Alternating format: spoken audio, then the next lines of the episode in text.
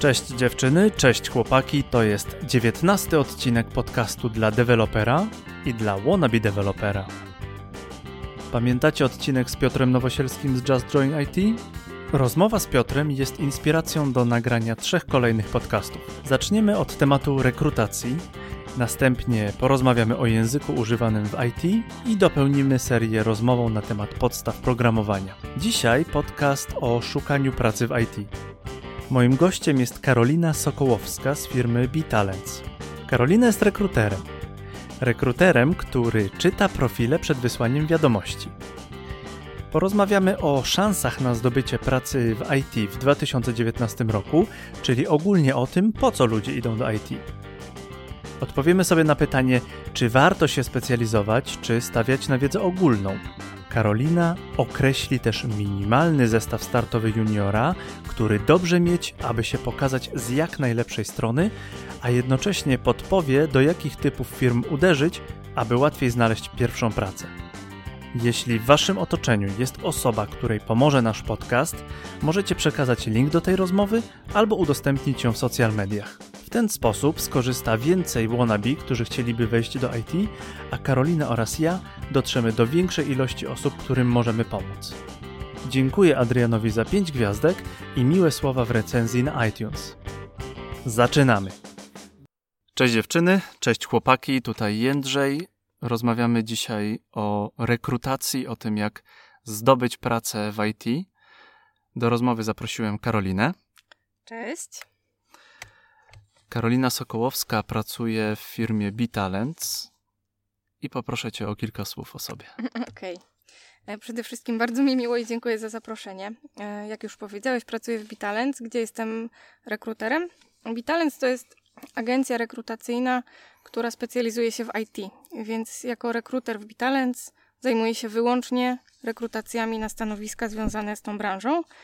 Z reguły to są programiści, ale mogą też się zdarzyć inne inne stanowiska. Jakie inne mogą być w IT? No, na przykład marketingowcy, którzy pracują dla firm IT, sprzedażowcy. Ogólnie, jakiekolwiek by nie było to stanowisko, to zawsze po prostu firma jest z tej branży. Mhm. Natomiast z uwagi na potrzeby rynku, z reguły zatrudniamy po prostu deweloperów, mid, senior, DevOps. Bardzo różne stanowiska. Jak trafiłaś do Bitalents? W jaki sposób znalazłaś się w Bitalents? Jak... Koleżanka mnie znalazła. Aha. Mm, Zuzia, która pracuje w Bitalents prawie od początku, a mamy 4 lata jako firma. Napisała do mnie, znałyśmy się wcześniej ze studiów. E, ona wiedziała, że być może będę zmieniać pracę, bo akurat kończył mi się urlop macierzyński. No i napisała, że właśnie szukają do swojego zespołu kolejnych osób. Także akurat był to świetny czas dla mnie, bo w tym samym momencie ja zaczęłam się rozglądać. Poszłam na rozmowę. Okazało się, że jest 100% porozumienia i zaczęłam. Tutaj po domu jeszcze chwilę temu biegały takie dwa małe szkraby. Kochany wujek wziął je do parku. Tak jest, żeby nie przeszkadzali. Tak naprawdę nie przeszkadzają, ale chodzi mi o to, żeby wydobyć jak najwięcej z naszej rozmowy. Dobra. A taki bąbel, który biega, no jest. Może nas nieco rozproszyć. Karolina pracuje w Bitalent. To jest firma, którą ja śledzę od, odkąd pojawiła się. To bardzo, dłużej niż ja. Bardzo mi się podoba sam pomysł tej firmy, sam pomysł na biznes. Świetnie przemyślana koncepcja. Widzę, jak ta firma tak naprawdę eksplodowała zamówieniami, najwyraźniej jak, jak, się, jak się bardzo rozrastała, jak twoja firma się rozrastała przez lata. No tak, e, może nie ala Google. Chociaż ja nie wiem, jak, Ale jak na... wyglądały pierwsze cztery lata Google'a. No pewnie tak, że gdzieś tam w tej piwnicy może siedzieli przez no pewien czas. Porozmawiamy o rekrutacji. O rekrutacji w IT. Anno Domini 2019. Tak jest. Czy możesz powiedzieć, jak wygląda Twój typowy dzień? Co myślę, robisz, że, Karolino? Myślę, że da się wyodrębnić coś takiego jak typowy dzień, bo kto zajmuje się rekrutacją, ten wie, że sporo w naszej pracy jest powtarzalnych czynności. Generalnie każdy z nas jako rekruter ma pod swoją opieką kilku klientów. Z reguły to jest mniej więcej sześć e, takich firm, dla których my jesteśmy opiekunami e, i dla których szukamy specjalistów. Mm, więc każdy dzień polega na tym, że trzeba dla tych e, firm po prostu wyszukiwać kandydatów. E, jak pewnie wiecie, bo e, słuchacie tego podcastu, w IT raczej kandydaci z dużym doświadczeniem w kolejce się do pracy nie ustawiają i to my musimy Raczej do nich odwrotnie. napisać. Tak, to my musimy ich wyszukać. Moim głównym narzędziem pracy jest LinkedIn i właśnie tam przeglądam sobie profile tych osób. Jeżeli widzę, że czyjeś doświadczenie odpowiada temu, czego ja szukam, to piszę wiadomość e, i po prostu zachęcam do porozmawiania. Dość dużo w takiej naszej codziennej rutynie pracy jest tego właśnie elementu, czyli pisania do ludzi. E, Natomiast jak już będzie odpowiedź, będzie pozytywna, no to po prostu rozmawiamy i zaczynamy ten proces rekrutacyjny, e, w którym my jako rekruterzy jesteśmy też opiekunami dla tych osób, czyli porozmawiam, żeby opowiedzieć o firmie, żeby wypytać o niektóre kwestie związane z doświadczeniem, ale potem też prowadzę przez cały proces, e, pomagam umówić spotkania. e, Jeżeli ktoś ma jakieś wątpliwości, to też dzwaniam się, żeby e, jakoś pomóc moralnie wesprzeć w wyborach. E, I tak samo dla klienta też jestem wsparciem, jeśli chodzi o kwestie organizacyjne, takie jak, e, nie wiem, terminowe przekazanie feedbacku, czy też em, najlepszy wybór em, typu procesu rekrutacyjnego, jaki można zastosować. Em, No i tak, tak to wygląda. Codziennie, poniedziałek, piątek, Mhm. przetrzepujesz LinkedIn, przetrzepujesz CV. Ludzie się sami zgłaszają do Bitalents?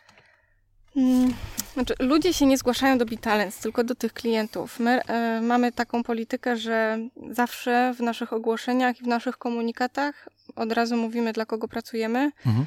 i dla kogo ta osoba miałaby pracować. E, Więc tak naprawdę marzy mi się, żebyśmy przyciągali swoją marką tych kandydatów, żeby na przykład w przyszłości było tak, że ludzie widząc, że Bitalens pracuje dla kogoś, od razu brali to za, dobrą, za dobry znak. E, Natomiast y, póki co jest tak, że oni mogą zareagować na tą ofertę klienta. Od nas zależy, jak ją zaprezentujemy. Mm, No i mm, tak, niektóre oferty są bardziej atrakcyjne, niektóre mniej. E, Na niektóre ludzie aplikują sami, a na niektóre trzeba bardzo długo szukać, zanim znajdzie się osobę, która będzie pasowała do tego profilu. Więc tutaj nie ma reguły. Po co ludzie idą do IT, Karolina? Co możesz powiedzieć z Twoich obserwacji? Po co ludzie idą do IT?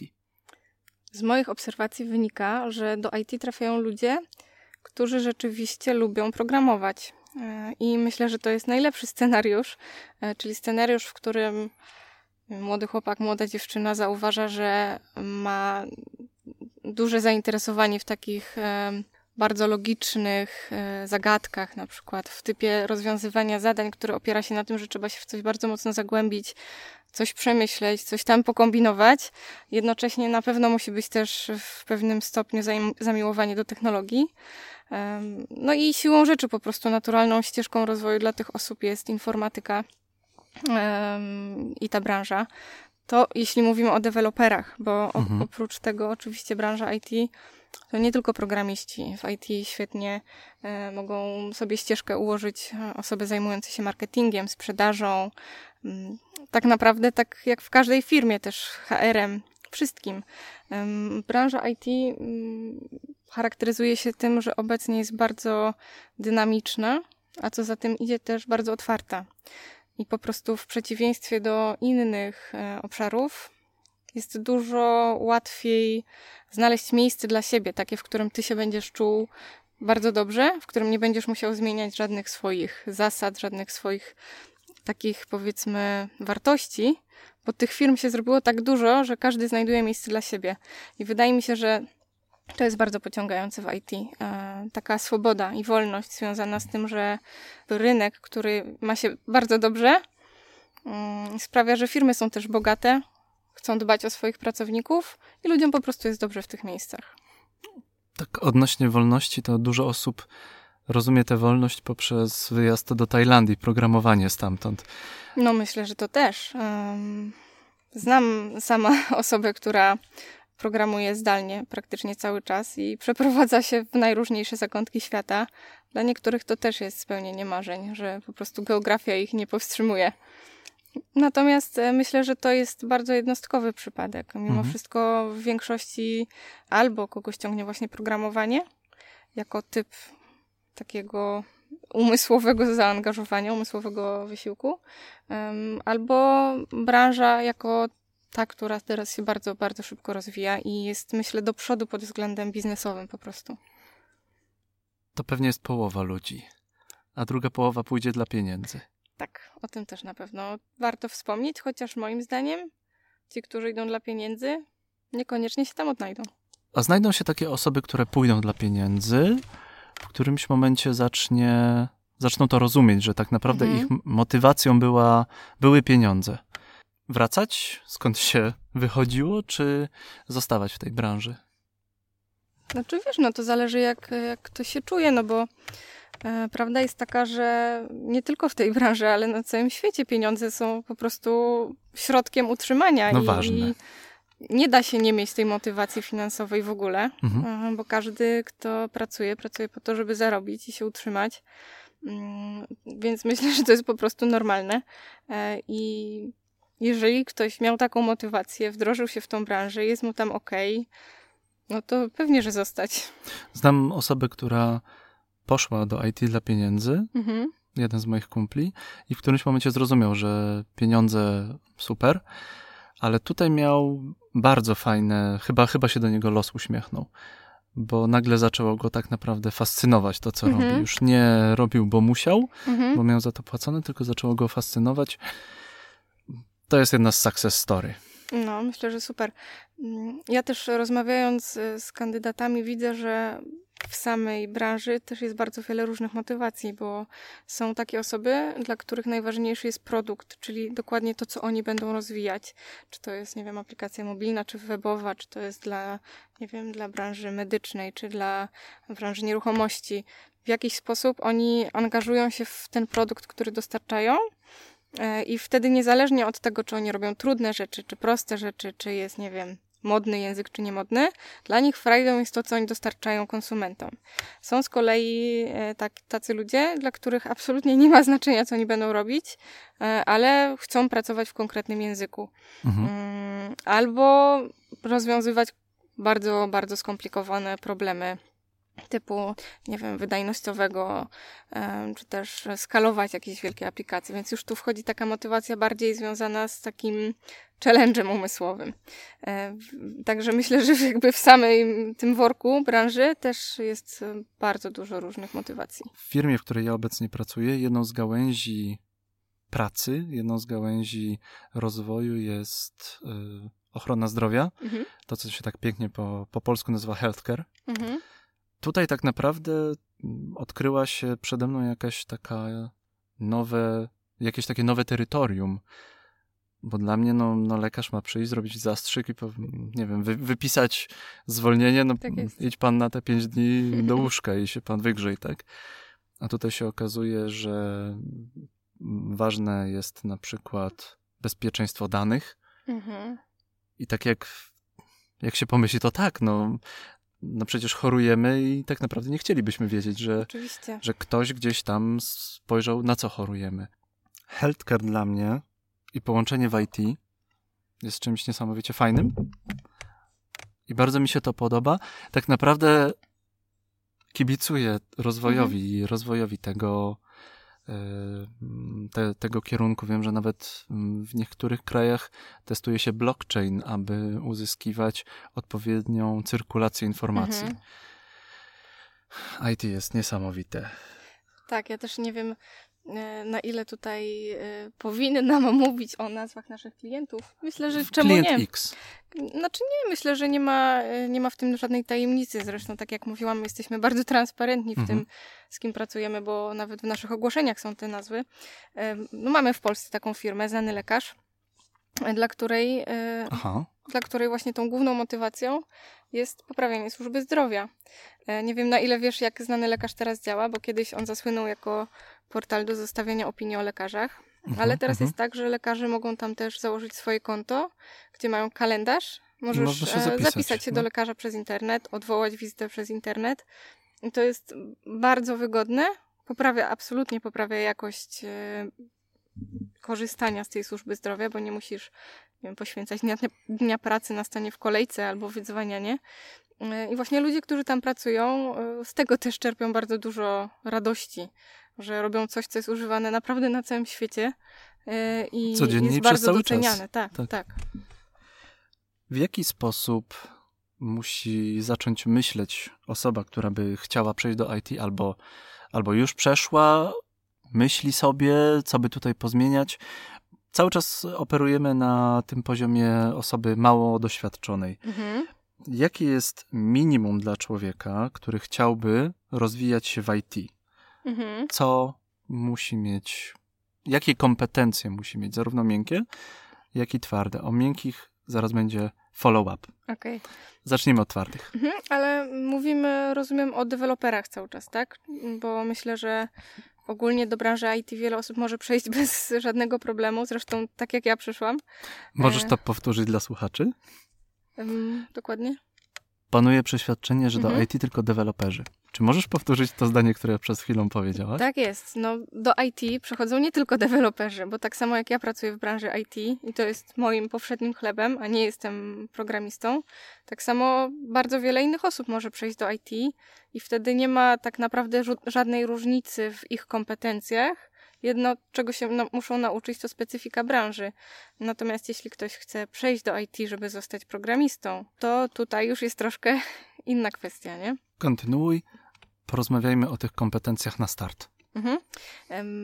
Tak wydaje mi się, że jeżeli ktoś ma w głowie myśl, ok, to może ja też się zacznę uczyć programować, bo tyle osób się nauczyło i świetnie im idzie, e, to warto na początku zacząć się zastanawiać nad swoim dzieciństwem. Co ci sprawiało radość, jak byłeś dzieckiem, jak się bawiłeś? Czy na przykład e, dostawałeś e, w prezencie pakiet zabawek logicznych, ślęczałeś nad nimi i cisnąłeś po prostu, dopóki nie zrobiłeś, e, czy próbowałeś trzy minuty i rzucałeś w kąt, bo nie wychodzi. Jeżeli miałeś takie zacięcie, żeby po prostu stanąć na głowie, a zrobić to, no to już jest moim zdaniem pierwszy dobry znak. E, dlatego, że widzę, jak rozmawiam z klientami czy moimi kandydatami, oni bardzo często właśnie powtarzają, że dla nich programowanie to jest po prostu przyjemność rozwiązywania problemów. E, Przyjemność zagłębiania się w takie kwestie bardzo, bardzo mocno logiczne.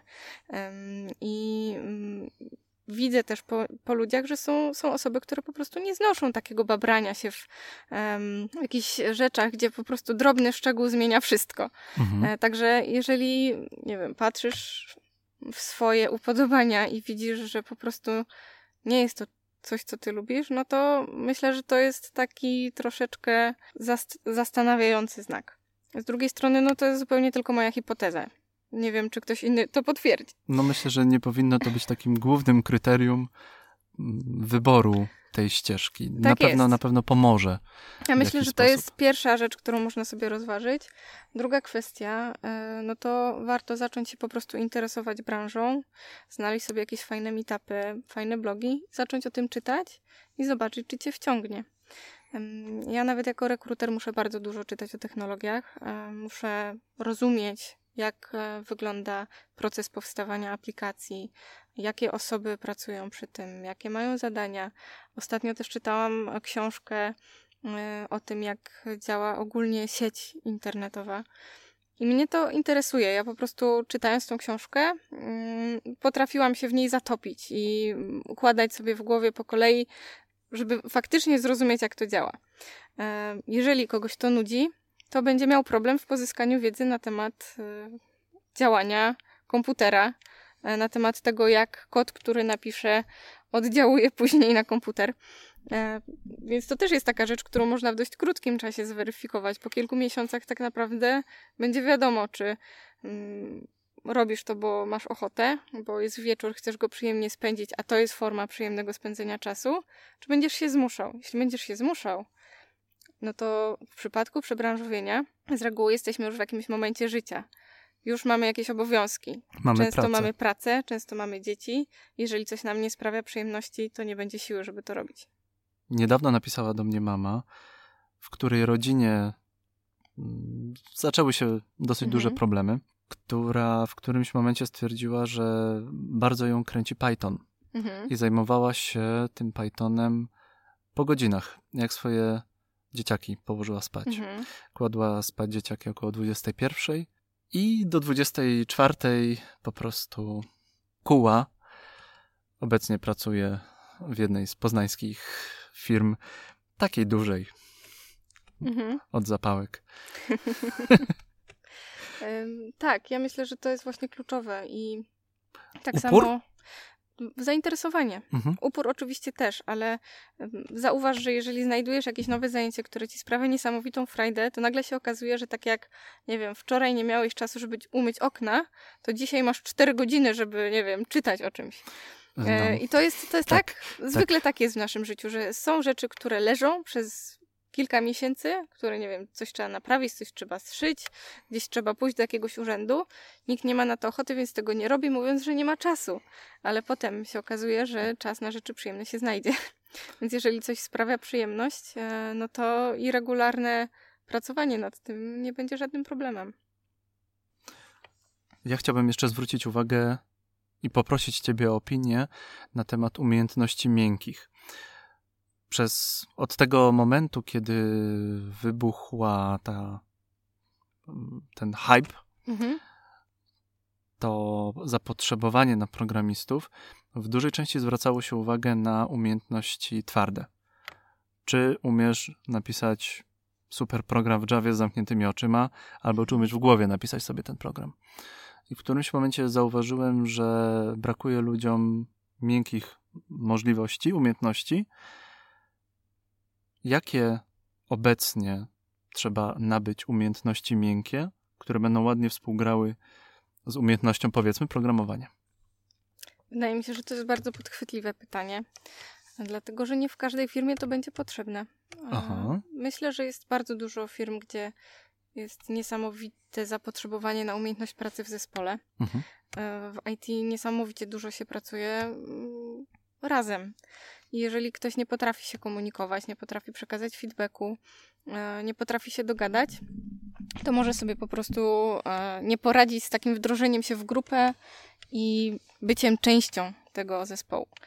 Ale na pewno jest też dużo firm, gdzie nie zwraca się za dużo na to uwagi. Jest więcej pracy samodzielnej i rzeczywiście jest taki odzwierciedlenie stereotypu informatyka, jaki myślę, że jeszcze Tego, króluje. co siedzi w piwnicy je chipsy? Tak, tak. Myślę, że takich firm też jest sporo i jeżeli ktoś absolutnie nie ma takich miękkich umiejętności, to na pewno znajdzie sobie przestrzeń.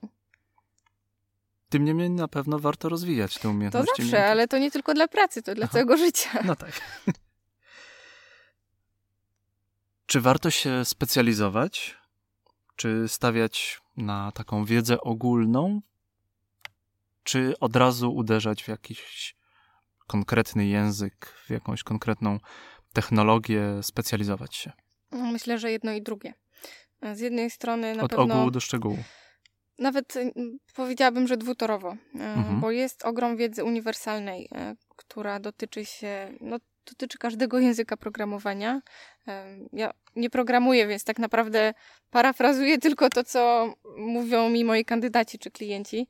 Natomiast oni zawsze powtarzają, że dobry programista może zmienić język i zmienić framework w każdym momencie, ponieważ on już rozumie, jak działa aplikacja, rozumie, jak działa komputer, i dla nich tak naprawdę język jest tylko narzędziem, a najtrudniejszą kwestią jest napisanie odpowiedniej logiki.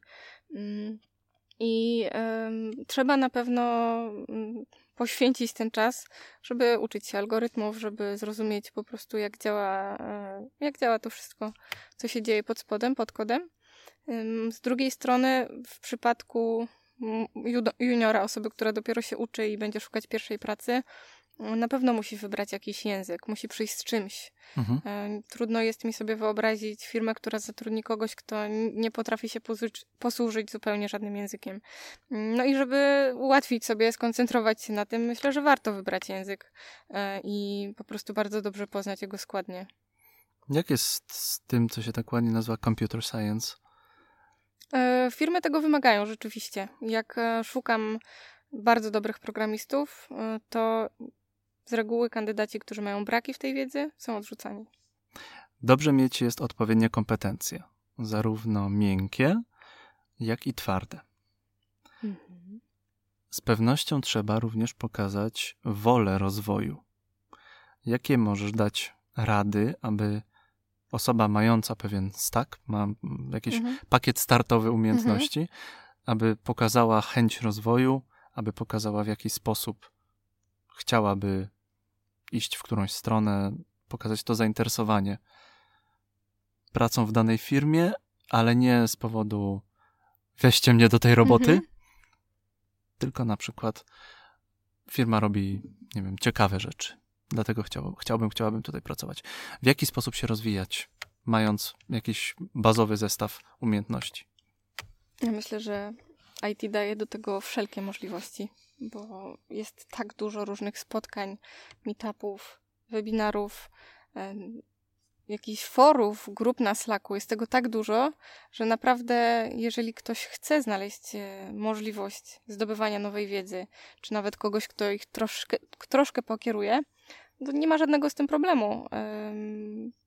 Ludzie uwielbiają dzielić się wiedzą. Ludzie uwielbiają pokazywać, że coś im się udało, że tak, e, tak. znaleźli tak. nowy sposób rozwiązania jakiegoś problemu. I to nawet bez przechwałek. A tak, jest, oni się tym po prostu autentycznie cieszą. I jarają się tak, po prostu. Tak, tak, więc y, wchodzisz na YouTube'a, szukasz sobie jakiegoś kanału dotyczącego twojego języka, przeglądasz kilka filmików, znajdujesz ten, który ci się podoba i obserwujesz tą osobę. E, analogicznie z mm, właśnie jakimiś forami.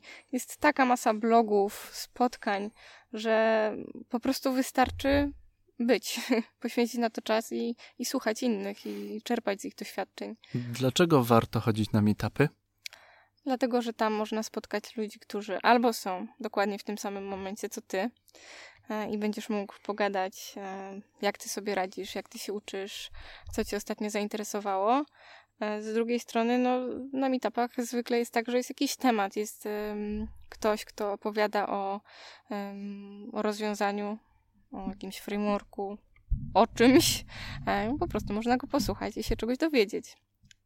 Poza tym zbudować sobie sieć kontaktów? sieć kontaktów, ale też być częścią społeczności, bo myślę, że networking, e, kontakty to jest ważne, wiadomo, ale tak naprawdę ważniejsza jest e, społeczność, czyli bycie w gronie osób, które mają wspólne zainteresowania i pomagają sobie wzajemnie właśnie poprzez podrzucanie fajnych artykułów, e, czy nawet pomaganie, nie? Jeśli utkwisz gdzieś w jakimś punkcie w swoim problemie, no to możesz poprosić kogoś, żeby ci pomógł i bez społeczności trudno jest coś takiego osiągnąć. Lubię ten aspekt IT, mhm z jednej strony dzielenie się wiedzą, powtórzę, bez przechwałek, mhm. tylko człowiek jest dumny, że coś tam zrobił i chętnie jeszcze się tym podzieli, bo a nuż to wykiełkuje mhm. jakaś myśl w głowie, w innej głowie tak i jeszcze jest. ktoś coś rozwinie. Dzielenie się wiedzą i pomaganie sobie. Bardzo lubię obserwować, jak programiści mają jakiś orzech do zgryzienia i nagle zbiera się wokół problemu trzy, pięć przemądrych głów i tak zaczynają mówić w swoim tajemnym języku. Ja bym pewnie nic nie zrozumiała z tego tajemnego języka. E, natomiast też wspomniałeś, mm, znaczy zapytałeś o to, jak można pokazać firmie, na której ci zależy, że, że faktycznie ci zależy. Większe firmy z reguły mają też swoje meetupy, albo mhm. jakieś organizują wydarzenia wewnątrz swojego biura. Im też zależy na pozyskiwaniu dobrych pracowników. Mm, także zawsze warto sprawdzić, czy przypadkiem ten twój wymarzony pracodawca po prostu czegoś takiego nie organizuje. Mówiłaś o pozyskiwaniu pracowników, i teraz chciałbym przejść do takiego tematu, który dotyczy zmiany pracy. Mhm.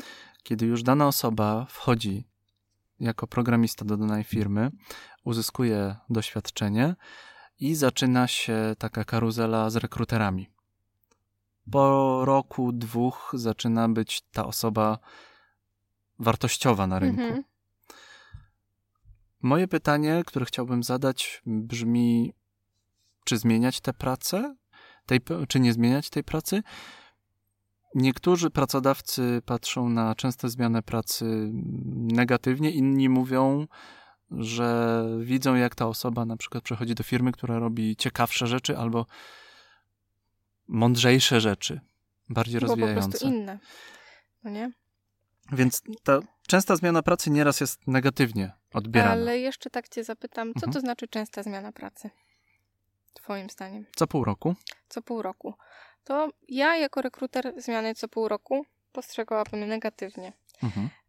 Dlatego, że myślę, że trzy miesiące to jest taki czas, w którym się jeszcze człowiek trochę wdraża, poznaje się produkt, musi. trochę się musi otrzaskać. Nawet jeśli jest super seniorem, to po prostu każdy produkt jest inny, jest inaczej zbudowany i zanim on wejdzie w jakieś tam obroty, żeby zrobić coś wow, no to trochę czasu musi minąć. Natomiast y, zmiany co rok już mnie w ogóle nie dziwią. To już dla mnie nie jest Mhm, krótko, jak mhm. patrzę właśnie na CV-ki czy na profile, m, dlatego że po pierwsze wiem, jak e, wiele jest dla nich pokus w postaci coraz to nowszych ofert pracy, a po drugie rzeczywiście często jest tak, że oni są zatrudniani z powodu jakiegoś konkretnego wyzwania, jakie firma ma, e, zadania do zrobienia. Jak to zadanie się kończy, no to po prostu szukają czegoś, co znowu będzie dla nich takim momentem, w którym mogą nauczyć się czegoś nowego. Ogólnie myślę, że programiści, ci z powołania, ci z pasji, oni podążają za trybem uczenia się, czyli tam, gdzie mogą zdobyć nowe kompetencje, tam, e, tam się najbardziej cieszą. To jest ciekawe, bo duża część, mam wrażenie, że duża część ludzi po prostu patrzy na pieniądze, czy będę tutaj zarabiał. A w tym, na tym poziomie doświadczonego programisty no, pieniądze są jakby na drugim miejscu, mam wrażenie. co, mi się wydaje, że mm, może i na drugim miejscu, ale one są po prostu pewnikiem. Mhm. Są do tego stopnia pewnikiem w tym momencie, że w zasadzie nawet nie trzeba o tym mówić, bo wiadomo, że, mm, że kasa jest dobra. Wiadomo, No, że w, jednych, że w jednych firmach jest lepsza, w jednych firmach jest gorsza. E, Natomiast y, częściej zdarzy się, żeby ktoś poszedł e, pracować do jakiejś super firmy, w której będzie super produkt i zszedł z oczekiwań finansowych, niż żeby opuścił zarąbistą firmę po to tylko, żeby zarabiać trochę więcej, bo i tak już zarabia tyle dużo, Aha. że, że w zasadzie no, że w zasadzie to, to nie jest jakieś drastyczne zwiększenie jakości życia. Wracając jeszcze do tych Mhm. zmian e, pracy. Niektórzy sądzą, że jeżeli programista siedzi dłużej niż 3 lata w jednej firmie, to jest niepokojące. Że się nie rozwija? Że się nie rozwija, tak, że się zasiedzi, że już się niczego nowego nie nauczy. Nie do końca się z tym zgadzam, bo wiem, że są firmy, w których bardzo dużo jest możliwości robienia różnych rzeczy, przechodzenia między projektami. E, Także niekoniecznie tak musi być. Z drugiej strony faktycznie, jak, e, jak rekrutuję, no to bardzo rzadko zdarza się, żeby był ktoś, kto siedzi w firmie dłużej niż na przykład 5 lat. No chyba, że jest to Google, Amazon, Microsoft, którzy zadają szyku tonu, budują ten świat. Mm, nie wiem. Szczerze nie, nie prześwietliłam chyba na aż, aż tak dobrze tych firm, żeby wiedzieć, jak długo tam ludzie pracują. Wspomniałaś o tym, że mamy rynek pracownika, wspomniałaś Mhm. o tym, że ludzie przechodzą z firmy do firmy po jakimś Mhm. czasie, że się rozwijają, no ale też są kuszeni tymi bajecznymi bonusami. Mhm. Mm, Ja nie chciałbym tutaj mówić o tych takich chorych sytuacjach, że gdzieś przeczytałem informację o tym, że super programista zamawiał sobie dzwonienie, żeby go jeszcze budzili, bo on nie wstanie w danej godzinie. Ja myślę, że to są, po części to są takie urban legends, Mhm. po części są to Oj, no zawsze będą jakieś chore sytuacje. No tak. Ktoś tak, może no, wy- wykorzystać swoje, swoją Po prostu pozycję. dobrze, żeby nie brać tego za normę. W jaki, ile tu jest prawdy w rynku pracownika, w tym, że rynek jest pracownika? Ile jest prawdy w tym, że mamy rynek pracownika, a ile jest przesadnego szumu, żeby, nie wiem, nagonić ludzi do tej sfery, ewentualnie zarobić na tym? Ja myślę, że jest absolutnie rynek pracownika. Mhm. Na pewno, jeśli mówimy o poziomie mid, senior um, i w górę, E, bo jeśli chodzi o pracę dla juniorów, no to nie, tutaj jeszcze jest rynek pracodawcy. Mhm. E, To znaczy, że raczej kandydaci muszą ubiegać się o to miejsce, a nie firmy o tych kandydatów. E, Natomiast jak już pójdziemy o ten krok dalej, czyli osoby z doświadczeniem, powiedzmy co najmniej trzyletnim, dobrym, bardzo dobrym doświadczeniem, no to oni rzeczywiście są rozchwytywani. E, I ja nawet pisząc do ludzi na LinkedInie, bardzo często dostaję w odpowiedzi taką informację: Przepraszam, że odpowiadam tak późno, ale tych wiadomości dostaję tak dużo, że bardzo trudno jest się przez nie przekopać. E, albo po prostu widać już też wręcz frustrację i zmęczenie w tych osobach, że znowu ktoś proponuje im pracę, przy czym oni dopiero co zmienili pracę, więc, więc już nie chcą dostawać tych informacji. Gdzieś niedawno przeczytałem artykuł o tym, że niektórzy nawet sobie piszą boty do tak, rekruterów. ale to ym, jestem te, o tym przekonana, bo zdarza mi się dostawać odpowiedzi, które absolutnie nie mają sensu e, do treści, którą wysłałam i widać, że to jest po prostu automat. Także nas o to posądzają, mhm. a, a, sami to robią. E, natomiast ym, jeśli chodzi o rynek e, pracownika, to widać to zarówno w zachowaniu pracowników, jak i w zachowaniu pracodawców. Po żądają prostu, pracownicy? E, pracownicy żądają, bo wiedzą, że mogą. E, Aha. Więc to jest tak, że tak jak wspomniałam wcześniej, raczej pieniądze nie są główną motywacją, no ale jeśli wiesz, że możesz, to prosisz. No. Także oni Z bardzo często. zawsze warto skorzystać. Oczywiście, tak? także oni bardzo często wiedzą, że mogą sobie pozwolić na negocjacje cenowe, e, dlatego że firma potrzebuje naprawdę bardzo i jeśli już wie, że jest mm, dobry, kompetentny człowiek, który dodatkowo rozumie ich pracę i z którym się fajnie gadało, no to bardzo często są w stanie zrobić dużo, żeby taką osobę pozyskać. Myślę, że nie wszystkie firmy, niektóre się trzymają dzielnie, potrafią wytrzymać nawet miesiącami bez zatrudnienia, byleby um, po prostu nie, nie podnosić ponad rynkowe stawki. Um, ale w wielu przypadkach po prostu desperacja wygrywa i i tacy dobrzy programiści są po prostu super opłacani. I mają wszystko? I mają wszystko, tak. Mogą sobie wybrać komputer, słuchawki, monitor, co chcą. Czy sytuacja niedoboru pracowników doświadczonych utrzyma się w najbliższych latach? Może nie wróżmy z fusów? Podziel się może swoimi obserwacjami. Czy sytuacja niedoboru będzie się dalej utrzymywać? Moje obserwacje są takie, że teraz jest niedobór. Mhm. Nie mam pojęcia, jak to się rozwinie.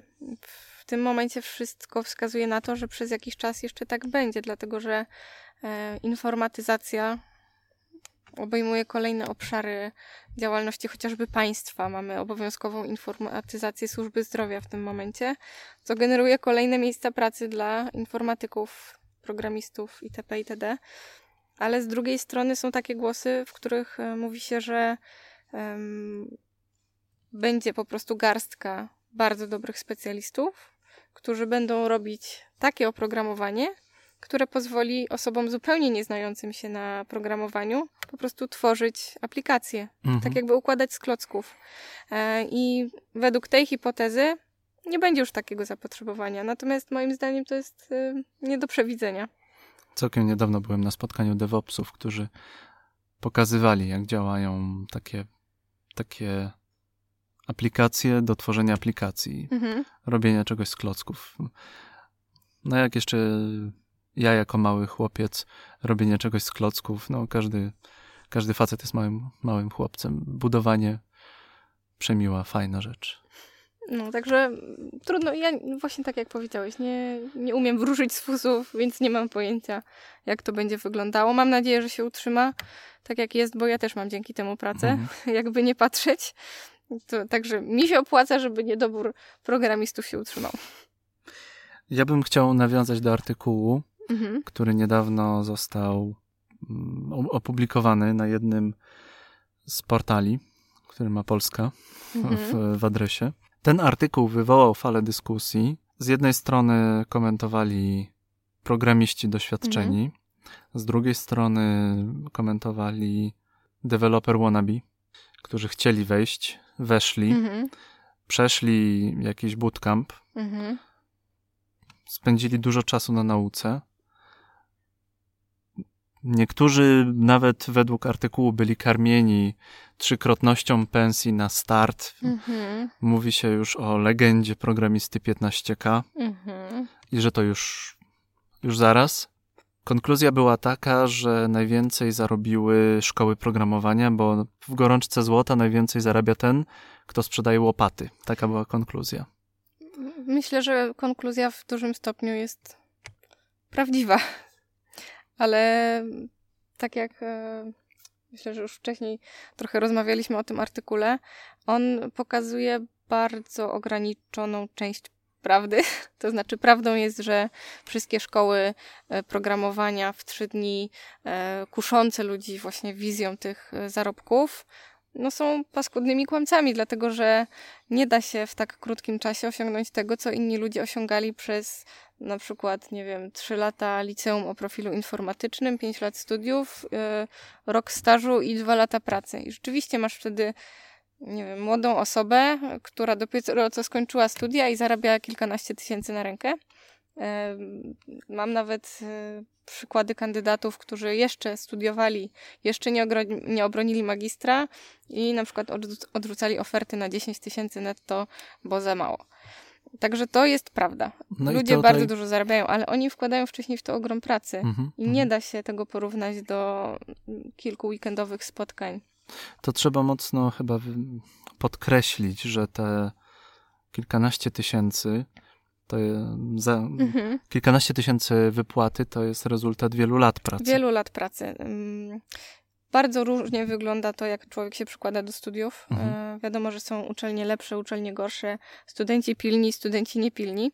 E, natomiast w większości przypadków, jednak jeśli ktoś idzie na polibudę, na informatykę, to chcąc, nie chcąc, po drodze przez te lata ma kilka projektów do zrobienia. Musi napisać już od mm, pierwszych semestrów jakieś drobne aplikacje, e, później obronić pracę inżynierską, która też polega na tym, że trzeba zrobić swój projekt, później pracę magisterską, obowiązkowe praktyki, chociaż nie wiem, czy nadal jest mm, jeszcze tradycja obowiązkowych pra praktyk. Mm, do czego zmierzam? Osoby po studiach bardzo często mm, już mają za sobą takie doświadczenia niekomercyjne, ale jednak doświadczenia wpisania programów. I to są lata, to są lata nauki i praktyki. Później, jeżeli jeszcze taka osoba przez właśnie rok czy dwa lata popracuje już z doświadczonymi programistami, to naprawdę już potrafi coś zrobić. Według tego artykułu wszystko wina hypu, mhm. wszystko wina niedobrych szkół oprogramowania. Może niekoniecznie chodzi o konkretne szkoły, tylko też się, mam wrażenie, że się też y, pojawiło kilkanaście szkół programowania, które są tylko i wyłącznie nastawione na zysk, a mało wynoszą tej wartości, albo mało dają wartości. Ja nie jestem przeciwko szkołom programowania, ja jestem przeciwko nadmuchaniu. Ja myślę, że przeciwko y, mydleniu oczu, mhm. bo to jest tak, że rzeczywiście tak naprawdę każdy może zmienić tą branżę, może przysiąść, nauczyć się i zostać programistą.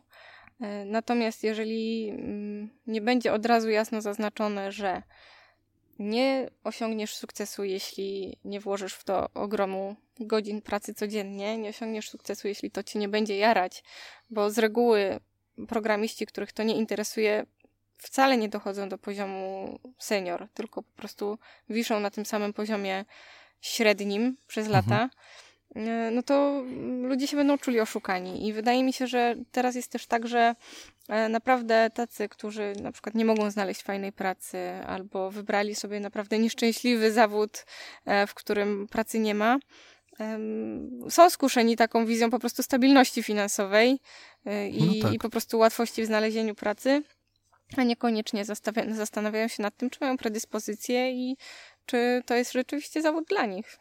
Jak mogłabyś skomentować jeszcze ten artykuł? Mówiłaś, że nie odkrywa całej prawdy. Tak. E, tam na przykład pojawiło się takie stwierdzenie, że e, studia uczą masy niepotrzebnych rzeczy, na przykład matematyki. Dla mnie mm, to jest to, bardzo tutaj... śmieszne, dlatego że jeżeli. Mm, trudno jest mi sobie wyobrazić, ja pracuję głównie z e, doświadczonymi kandydatami, tak mhm. jak mówiłam na początku. Trudno jest mi sobie wyobrazić takiego, który miałby problemy z matematyką w szkole. Bo po prostu to jest e, ten sam typ myślenia. I jeżeli ktoś mówi, że matematyka jest do programowania niepotrzebna, no to tak naprawdę nie wie, o czym mówi. Nie jest potrzebna do tego, żeby użyć frameworku i, nie wiem, postawić bloga. To nie, ale mhm. żeby rozwiązać skomplikowane problemy związane z nie wiem, wyciekami pamięci na danych, przykład, tak. albo analizą danych, no to już naprawdę trzeba, e, trzeba poświęcić czas też na te podstawy, takie bardzo teoretyczne. Chyba taką dobrą rzeczą, która spowodowa- którą spowodował ten artykuł, była to, że pojawiła się dyskusja i o dziwo przeważały tam dosyć zró- zrównoważone głosy. Te Mhm. głosy pełne hejtu można było ignorować, Mhm. ale widać było z obu stron tak naprawdę barykady od Mhm. doświadczonych i od tych, którzy wchodzą do branży, że niekoniecznie to też odkrywa całą prawdę, a jednocześnie spowodowało, spowodował ten artykuł dyskusję ot, otwierającą trochę Mhm. oczy tym, którzy są skuszeni 15 k Tak. E, Tam oczywiście też pojawił się temat zarobków. I z, e, Sześć na rękę, ajajaj na start, a tu wychodzi, że zarabiałbyś na początek mniej niż zarabiasz teraz. e, tak, natomiast tam pojawiła się konkretna stawka. E, Mhm. Był przytaczany jeden. 3200 chyba było. Tak, 3200. No to proszę mi pokazać inną, inną możliwość, żeby zacząć od zera i zarabiać 3200 na rękę. Przecież w większości przypadków, jak idziesz do nowej pracy, to zaczynasz od, nie wiem, stawki minimalnej poza dużym miastem. W dużym mias- w mieście może dostaniesz dwa. No i musisz po prostu się dorobić swojej pensji przez jakiś czas. Także 3,5 czy 3,200 na start to moim zdaniem też jest mm, po prostu dobre wynagrodzenie w porównaniu do innych zawodów. To jest rzecz i takie, takie odczucie osób, które przeszły i zostały programistami, które przeszły przebranżowienie, zostały programistami. To jest rzecz, która została mi uświadomiona, bo mimo takiego zdrowego podejścia od czasu do czasu czaruje mnie ten, Mhm. te miliony, które się Mhm. zarabia. I w którymś momencie ja tak naprawdę zwątpiłem, czy ja chcę, bo 3200 to było w którymś momencie mniej, Mhm, może nie dużo, ale mimo wszystko mniej niż ja bym zarabiał, mhm, niż ja zarabiałem mhm. w jakiejś tam, w jakiejś tam firmie. I tutaj tak naprawdę dobrze, że, że, że mówi się, ile się zarabia na pozycji juniora, Tak, tak, tak. bo trochę się w tym momencie też filtruje osoby, które, jak to dojdzie do jakiejś osoby, która by bardzo chciała, to może jakaś grupa, no niekoniecznie się powstrzyma, ale przemyśli, Mhm. pomyśli, albo pomyśli, jak więcej zarabiać. Mm, tak jest. Mm, Wydaje mi się, że zawsze jak się zmienia branżę i to nie ma znaczenia, czy zmieniasz na IT, czy na inną branżę, czy zmieniasz zawód, zawsze trzeba zejść z pieniędzy, bo mm, co z tego, jeśli ja będę miała ileś lat doświadczenia jako rekruter, jeśli ta moja wiedza w żaden sposób się nie przyda do bycia programistą, tak? To, to nie mogę oczekiwać, że będę opłacana jak senior, mając doświadczenie równe zero. Więc tutaj jest potrzebna po prostu spora dawka pokory, związana z tym, że ktoś, kto nie wiem, ma już ponad 30 lat i dorobił się fajnej kariery, chce zmienić pracę, chce zupełnie zacząć od zera, no to musi zacząć od zera pod innymi względami też. To, czego ja się boję, może jest to moja taka naiwne, może jest to moje naiwne myślenie, dlatego tutaj chciałbym, żebyś wypowiedziała się na ten temat. Mamy taką sytuację, byłem niedawno na spotkaniu doświadczonych programistów i oni opowiadali o tym, że Amazon ma minus 100 tysięcy ludzi. Brakuje w Amazonie 100 tysięcy ludzi. Google podobnie Mhm. i że każda firma tak naprawdę mogłaby zatrudnić każdego programistę, bo takie jest zapotrzebowanie. I potem zdarzamy się właśnie z juniorami. I zdarzamy się z sytuacją, w której juniorzy albo nie są zatrudniani, albo trzeba się bardzo nastarać, Mhm. żeby został zatrudniony. I tutaj niedobór panuje wś- wśród specjalistów, tutaj się zgadzamy. Specjalista musi się wyrobić przez lata, Mhm. Firmy rzadziej przynoszą juni- przyjmują juniorów, bo junior zajmuje czas, Mhm. pieniądze. I tutaj boję się, że się koło zamyka. Nie wyrobimy juniorów, nie wyrobimy specjalistów, bo nie przyjmujemy juniorów i nie mamy specjalistów, bo nie było jak wykształcić tych specjalistów i dlatego mamy niedobór. Czy mogłabyś się wypowiedzieć, czy to jest moje naiwne myślenie? W którą stronę mam myśleć? Mi się wydaje, że też e, należy sobie zdefiniować, co to znaczy junior. Dlatego, że e, jak się rzadko, bo rzadko, ale zdarza nam się szukać też juniorów. I to też nie jest tak, że każdy, kto zaaplikuje, będzie przyjęty, e, bo nie każdy, kto skończył studia, radzi sobie, nie każdy, kto skończył bootcamp, radzi sobie. E, no i tutaj też jest spora selekcja, po prostu to bycie programistą nie jest zawodem, w którym super sprawdzają się wszyscy ludzie. Mhm. Są to określone predyspozycje, określone kompetencje mm, i dlatego po prostu nie przyjmuje się niektórych ludzi, że, że widać, że sobie nie radzą. E, także myślę, że jeśli firma może sobie pozwolić na zatrudnienie niedoświadczonego, to to robi, bo oni też wiedzą, że um, to im się zwróci w krótkim no, czasie. Sobie że sobie kogoś. wychowają kogoś, kto będzie później jeszcze im wdzięczny po prostu za to e, i zostanie z nimi przez jakiś czas. Mm, to, to mi się wydaje, że jest dość trudne zagadnienie, bo rzeczywiście ta atmosfera, która przez ostatnie lata jest e, takiej właśnie entuzjazmu związanego z, z pracą programisty, nakręca ludzi do tego, żeby iść w tą stronę. No i pewnie są osoby, które będą poszkodowane tym, że po prostu postawiły nie na tą kartę, co trzeba. Karolino, rządził, czy na, tak naprawdę dalej rządzi JS. Była moda na Ruby on Rails. Tutaj jedna z moich koleżanek, programistka Wiktoria z Nowego Jorku mówi, że Ruby on Rails ma pewien taki odcień hipsterski, który jej się strasznie podoba. Mhm. Teraz rozwija się Python te wszystkie języki tak naprawdę się rozwijają. Mhm. Te wszystkie języki, one na podium mało się wymieniają. Mm, tym niemniej są jakieś takie, takie prądy, które pokazują, że dany język jest bardzo przyszłościowy. I czasem uczący się jakiejś takiej technologii, nie wiem, przez pół roku, przez rok, dochodzi do wniosku, że tak naprawdę źle wybrał. Bo mu indeks ten Tiobe, mhm. pokaże, że od trzech miesięcy jego język spada. I nagle pokazuje się, że no nie wiem, JS, uczyłem się JS-a, JS ma silną pozycję i nagle pokazuje indeks, że wystrzelił Python. Mhm. Osoba rzuca JS-a, idzie na Pythona. Czy to jest dobre? To jest trudne pytanie. Natomiast yy, wydaje mi się, że na początku nauki jednak warto zastanowić się i bardzo świadomie wybrać język, z jakim się będzie pracowało. Mhm. Mm, I warto jednak do tego podejść trochę pod względem biznesowym, bo są języki, które są może nie modne, ale często wykorzystywane, tak jak na przykład Java. Raczej nie mówi się o Java jako języku, który jest jakiś super wow, fajerwerki, e, fancy i tak dalej. No ale jest w bankowości? Ale jest w bankowości. W większości korporacji E, jak się spojrzy na jakiekolwiek statystyki, to jest najczęściej wykorzystywanym językiem backendowym. E, więc największe jest prawdopodobieństwo znalezienia pracy w Javie, plus duże firmy korzystają, więc większe prawdopodobieństwo, że będą zatrudniać juniorów. Podobnie z PHP.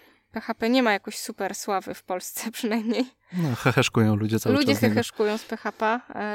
Wiele osób twierdzi, że niesłusznie ale połowa internetu stoi na PHP. Mhm. Także y, też jest większe prawdopodobieństwo dostania pracy, która będzie wymagała małej, e, małych kompetencji w PHP. E, I myślę, że jeśli ja bym zmieniała pracę, a szczerze przyznam, że też mi się trochę marzy programowanie, bo ja zawsze byłam bardzo na matmę i wszelkie takie logiczne zabawy. Jak rozmawiam po prostu z, z właśnie programistami, to myślę sobie, że mają bardzo podobny sposób myślenia i jestem ciekawa, czy bym sobie poradziła. Więc ja już jak o tym myślę, to myślę, że na początku wybrałabym taki język, który zapewnił mi, y, by mi łatwiejsze znalezienie pracy, a potem, jak już bym miała doświadczenie, to bym się zastanawiała, co ja tak naprawdę chcę. Mhm.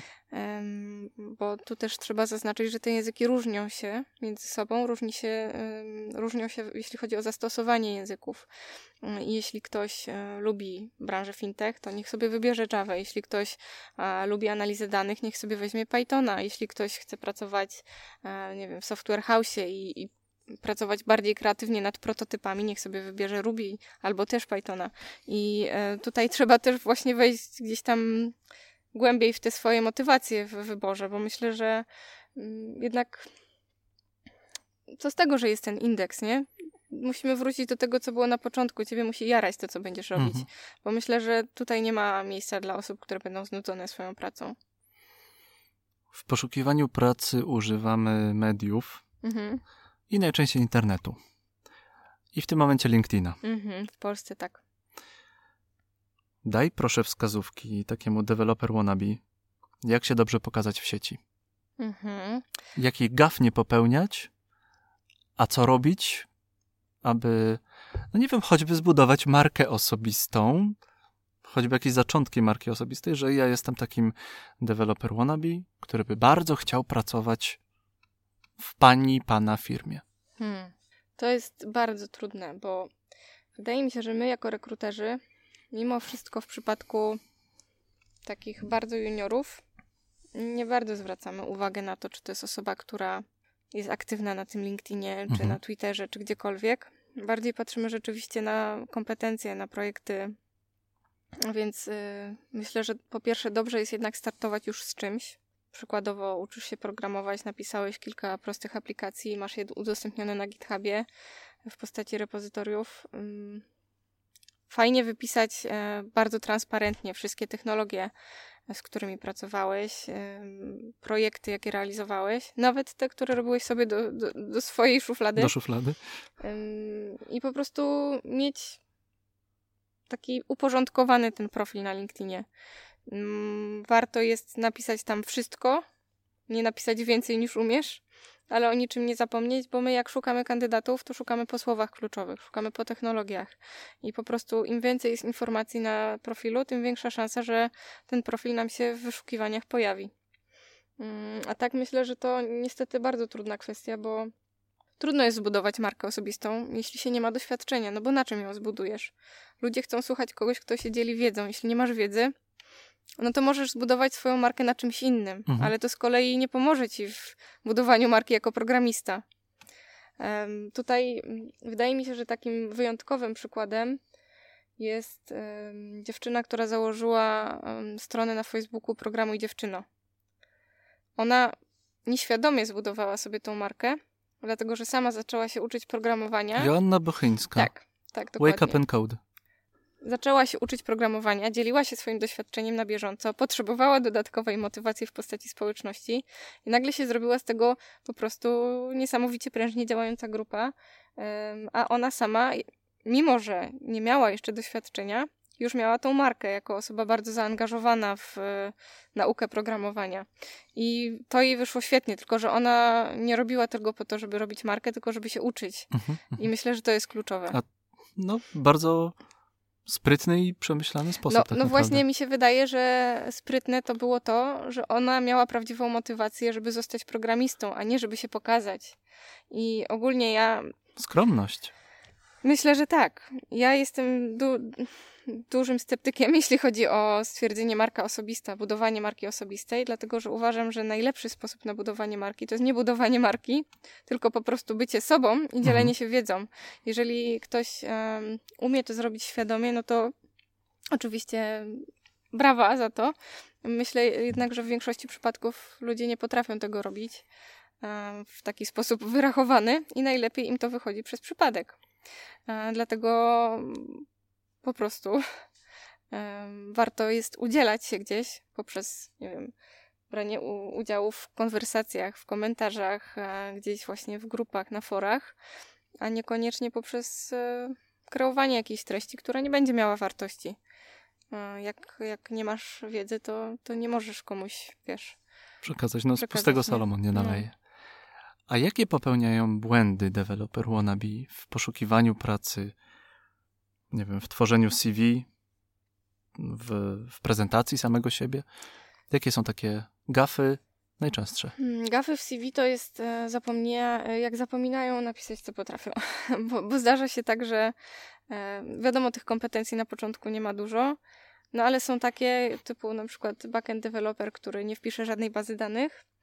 Mm, No to z jednej strony można się domyślać, że on musi znać bazy danych, no bo skoro programuje, to musi. Z drugiej strony, jak tego nie wpisze, no to jest takie znak zapytania. No to co w takim razie umiesz? Em, Natomiast myślę, że tutaj nie ma dużej różnicy między tym, jak się prezentują juniorzy a seniorzy. To jest takie samo podejście do kontaktu z rekruterem i takie samo podejście do CV-ki, czyli po prostu trzeba mm, znać swoje kompetencje i znać swoje niekompetencje, nie czarować, nie ściemniać, Mhm, em, nie być zbyt nachalnym. Mm, Z drugiej strony myślę, że nie ma nic strasznego, żeby poprosić o pomoc. Też czasem piszą do mnie właśnie tacy deweloperzy wannabe, wysyłają mi cv i proszą o to, żebym skomentowała. Czasem zdarza się, że się z kimś dzwonię, żeby właśnie podpowiedzieć, co można podkreślić, co można wykreślić, co jest fajne, co jest niefajne. E, du- Dużo jest, myślę, takich rekruterów, którzy chętnie pomogą, więc e, trudno mi się wydaje, trudno dać takie uniwersalne rady, ale e, raczej rada dotycząca postawy, e, czyli otwartość, ciekawość, sporo pokory, wytrwałości mm, i nie bycie zbyt nachalnym, nie? Bo najgorzej, jeśli ktoś próbuje wcisnąć mi kit, że, że jest super, A nie jest? a, a po prostu widzę, że, że jeszcze nie pracował komercyjnie, no to mówię, okej, no przepraszam, ale szukam osoby z doświadczeniem. No i się zaczyna Hmm. nawijka. No za rok będę to pamiętać nadal. I mimo, że to doświadczenie już będzie, to, to jakiś niesmak pozostanie. Czy kurs to jest osiągnięcie według ciebie? Zależy jaki. E, Czy to był kurs sześciogodzinny, czy półroczny. No właśnie tutaj zauważyłem na LinkedInie, że niektórzy uczący się programować chwalą się kursami z Udemy Mhm. i potem jak klikniesz w ten certyfikat, to wychodzi, że poświęcił 6 godzin na naukę języka. Mhm. No to myślę, że zależy, ile takich certyfikatów jest, bo Mhm. jeśli ich jest bardzo dużo i się sumuje do wielu godzin spędzonych na nauce, no to od czegoś trzeba zacząć, nie? Mhm. I, I myślę, że taki certyfikat mimo wszystko jest lepszy niż em, zapewnienie, że się uczyłeś, bo jednak w jakiś sposób to jest potwierdzenie tych naukogodzin. Em, no początki myślę, że, że są o tyle trudne, że po prostu trzeba gdzieś zacząć od zera. Myślę, że najlepiej zacząć po prostu od stażu. Tak jak się jest, nie wiem, studentem i, się szuka pierwszych doświadczeń, no to z reguły nie mamy problemu z tym, żeby zacząć od praktyk za darmo albo od stażu za kwotę głodową. I tutaj po prostu trzeba się traktować zupełnie tak samo, nie? Czyli nieważne ile mam lat doświadczenia w jakiejś innej firmie, Tu masz zero. tu mam zero. Tak jest. To to jest wyzwanie, bo niektórzy z nas mają rodziny, Mhm. mają 30 lat Mhm. Albo więcej. albo więcej, albo stwierdzili, że już mają dosyć i przyciąga ich wolność. Mhm. Znaczy, czyli co, ja też- oszczędności trzeba mieć tak Trzeba naprawdę. mieć oszczędności, trzeba do tego podejść po prostu z planem Mhm. e, i nie rzucać się na, na głęboką wodę, tylko systematycznie sobie to rozplanować. Mm, Jeżeli dzisiaj stwierdzisz, że zmieniasz pracę i będziesz programistą, to nie będziesz programistą jutro. I masz trochę czasu, No żeby za się do tego przygotować. będę. Prawda? Musisz poświęcić najpierw ten czas na naukę, a potem odrobić pańszczyznę e, i potem znowu zaczniesz zarabiać. Mhm. Ja też nie chcę mówić, że tak jest zawsze, bo pewnie nie. I, i jeżeli ktoś e, będzie miał naprawdę dużo czasu na naukę, to może od razu znajdzie pracę za pieniądze. Ale wydaje mi się, że gotowość i determinacja to jest, to jest ta postawa, którą my musimy mieć, nie? Mhm. W Mhm. sensie mm, takie mm, przeświadczenie, że nawet jeśli by się okazało, że muszę przez trzy miesiące popracować za 500 zł, to po prostu to zrobię. A jeśli się okaże, że nie, że od razu idę za kasę, no to po prostu się cieszyć. Jak mam trafić z wynagrodzeniem, kiedy aplikuję do jakiejś firmy? Zakładamy, że mam pewien stack, że mam pewne umiejętności, nabyłem te umiejętności, o których ty mówiłaś i w tym momencie muszę wiedzieć, ile zawołać. Mhm. W Polsce to jest teraz tak proste, że myślę, że już bardziej proste nie mogło być, e, bo stworzyła się taka kultura w IT, że podaje się stawki, jak się e, wrzuca ogłoszenie na jakiś jobboard.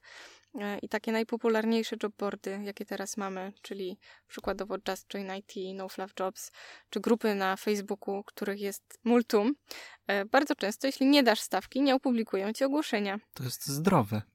Myślę, że to jest zdrowe. E, W Polsce się też mówi o tym, żeby wszędzie mm, była jawność widełek wynagrodzenia.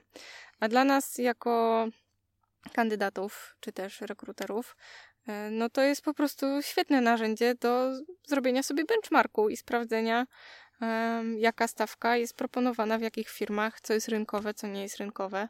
E, Także myślę, że najlepiej jest po prostu przejrzeć oferty Nawet takie, które Ciebie nie interesują, nawet może takie, które nie są koniecznie w Twoich kompetencjach, ale na tym samym poziomie doświadczenia i zobaczyć, ile dają. Jak wiesz, ile dają, to wiesz, o ile możesz prosić. Mm -hmm. Z drugiej strony przestrzegam przed taką postawą, w której na przykład stwierdzasz, ok, ja, żeby tutaj sobie komfortowo wyżyć, musiałbym dostać, nie wiem, kwotę X, ale widzisz, że firma daje X plus 3. No to prosisz X plus 3. Um, czasem jest tak, że my też jako um, rekruterzy wiemy, że kandydat jest super obiecujący, ale nie ma wszystkich kompetencji, których potrzebujemy. Możemy go zatrudnić, ale tych pieniędzy, które są w widełkach, raczej nie damy, bo widełki opiewają na kompetencje opisane w ogłoszeniu. Mhm. W takiej sytuacji wydaje mi się, że trzeba bardzo świadomie przeanalizować sobie, czy ty spełniasz wszystkie wymagania opisane, czy spełniasz tylko część. Jeśli spełniasz część, a i tak chcą z tobą rozmawiać, to musisz zostawić furtkę na to, że to wynagrodzenie też może być po prostu niższe. Um, no i wydaje mi się, że taka metoda jest bardzo prosta. Kiedy patrzę na wymagania, czy to na jobboardach, czy to na fejsie, to w, dosyć często w komentarzach pojawiają się informacje o tym, że te wymagania są albo z sufitu, albo no, kto takie wymagania będzie miał, nie wiem, po roku pracy. I panuje też taka jakaś opinia o tym, że te wymagania to, jest, to są pobożne życzenia, jak spełniasz połowę, to już jest świetnie. To niestety znowu nie ma reguły, bo są firmy, które w ogłoszeniach naprawdę piszą tylko to, co jest potrzebne. I jeśli nie spełniasz choćby jednej rzeczy, to cię nawet na rozmowę nie zaprosimy. Mhm. A są takie, gdzie rzeczywiście, no, jest kosmos. I e, ja nawet jak ktoś spełnia jedną piątą, to po prostu się cieszę. E, I tu myślę, że to niestety nie, nie ma złotej rady. Aplikować. Uczyć się aplikować. Chyba tak. Ja... Mm, to jest ogólnie trudna kwestia, bo ja na przykład czytam listy motywacyjne i w takiej sytuacji poradziłabym tobie, napisz list motywacyjny, dlaczego aplikujesz, mimo że nie spełniasz wszystkich wymagań. No ale kolejnych sześć rekruterów może nie przeczytać tego listu, więc tutaj też niestety złotej rady nie ma. Mam wrażenie, że miejscami, jak rozmawiamy, to pojawia się smutny ton rozmowy. Bardzo dobrze, że nie owijamy w bawełnę, bo lepiej wziąć się do roboty, mhm. lepiej zasuwać, uczyć się, niż po dwóch miesiącach nauki gdzieś tam na bootcampie rozczarować się tak i napisać kolejny artykuł tak o bajce o programiście. Mhm. Czy mogłabyś na koniec naszej rozmowy wspomnieć jakieś success story? Mhm. Tak, ja mam e, kilka takich osób, które bardzo utkwiły mi w pamięci, e, kandydatów, których e, miałam okazję poznać i pomóc im w znalezieniu pracy. E, I są to osoby, które się przebranżawiały, właśnie często mając już fajne doświadczenie w zupełnie innych rzeczach. Tak jak właśnie cały, cała ta rozmowa miała mniej więcej taki ton, że żeby to osiągnąć, trzeba naprawdę się postarać. To takim moim ulubionym przykładem jest małżeństwo, w którym pierwsza nawróciła się na, na programowanie ona. Mhm tuż po uzyskaniu tytułu magistra z psychologii zaczęła się uczyć programowania. Jest na ten temat bardzo fajny artykuł, w którym ona to opisuje. Ja też, e, jeśli pozwolisz, Ma, Mamy chętnie, linka? Tak, mam linka, chętnie się nim podzielę. I ona Link w komentarzu. Ona się właśnie podzieliła tym, jak to wyglądało. To znaczy, pracowała e, już na pełen etat, wracała do domu i codziennie 4 godziny uczyła się programować. Wszystkie pieniądze, które zarabiała, wydała na kurs programowania, a jej mąż w tym czasie zajął się całym domem. Wszystkim. Ona nie robiła nic. Ale fajnie ułożone małżeństwo. Tak. Kiedy ona dostała pracę jako programista, powtórzyli to, tylko on zaczął się uczyć. Jeździć na kursy mhm. i ślęczeć po prostu. Miał już o tyle też łatwiej, że ona mogła mu pomagać. E, I teraz oboje pracują w zawodzie. Ona też e, jest zresztą, myślę, dość e, znaną postacią w świecie Ruby. No, dla mnie ta, w ogóle ta ich przygoda jest tak inspirująca i, i też taka właśnie motywująca, bo pokazuje, że to jest naprawdę możliwe, nawet jeżeli już właśnie się poświęciło 5 lat plus na, na coś zupełnie innego, e, ale no naprawdę trzeba wysiłek w to włożyć, nie? E, z drugiej strony też e, często ludzie po prostu wchodzą w, w tą ścieżkę programowania bocznymi drogami, czyli na przykład przez testowanie, mhm. E, gdzie bariera wejścia do zawodu jest naprawdę niska i myślę, że łatwiej jest później już uczyć się podstaw programowania, mając zawód, który bardzo mocno tego dotyka. Tak samo jeśli chodzi o uczenie się frontendu, można zacząć od UX-u, od, od grafiki, gdzie po prostu już samo to, że jesteś w firmie, gdzie współpracujesz z programistami i możesz krok po kroku te kompetencje zdobywać, znacznie przyspiesza ten proces. Gdzie możemy Cię znaleźć w sieci? Jak możemy się z Tobą skontaktować? Bardzo łatwo można mnie znaleźć, bo jestem praktycznie na każdym portalu społecznościowym z uwagi na mój zawód. E, na LinkedInie imię, nazwisko, Vitalens i trzy sekundy masz mnie. Karolino, bardzo Ci dziękuję, że podzieliłaś się swoją wiedzą. Dzięki Ci bardzo za zaproszenie jeszcze raz. Drodzy słuchacze, naszym gościem była Karolina Sokołowska, rekruterka z Bitalents. Do usłyszenia. Dziękuję bardzo. Cześć. Cześć.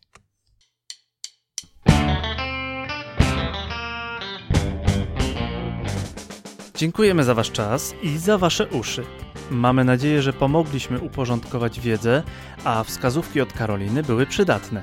Zależy nam na dotarciu z tą wiedzą do jak najszerszego grona odbiorców, dlatego mamy prośbę. Jeśli w Twoim otoczeniu jest osoba, która mogłaby skorzystać z wiedzy, którą dzieli się Karolina, przekaż jej link do tej rozmowy, udostępnij ją na Facebooku, Twitterze albo LinkedInie. Będziemy też wdzięczni za recenzję na iTunes i za śledzenie podcastu na Spotify. Zapraszam do kontaktu na social mediach. Możecie polubić stronę na fejsie, możecie znaleźć mnie na Twitterze codeboy.pl, możecie wejść na moją stronę codeboy.pl. Jestem też na LinkedInie. Nazywam się Jędrzej Paulus, to był podcast Developer Wannabe. Dzięki jeszcze raz, do usłyszenia.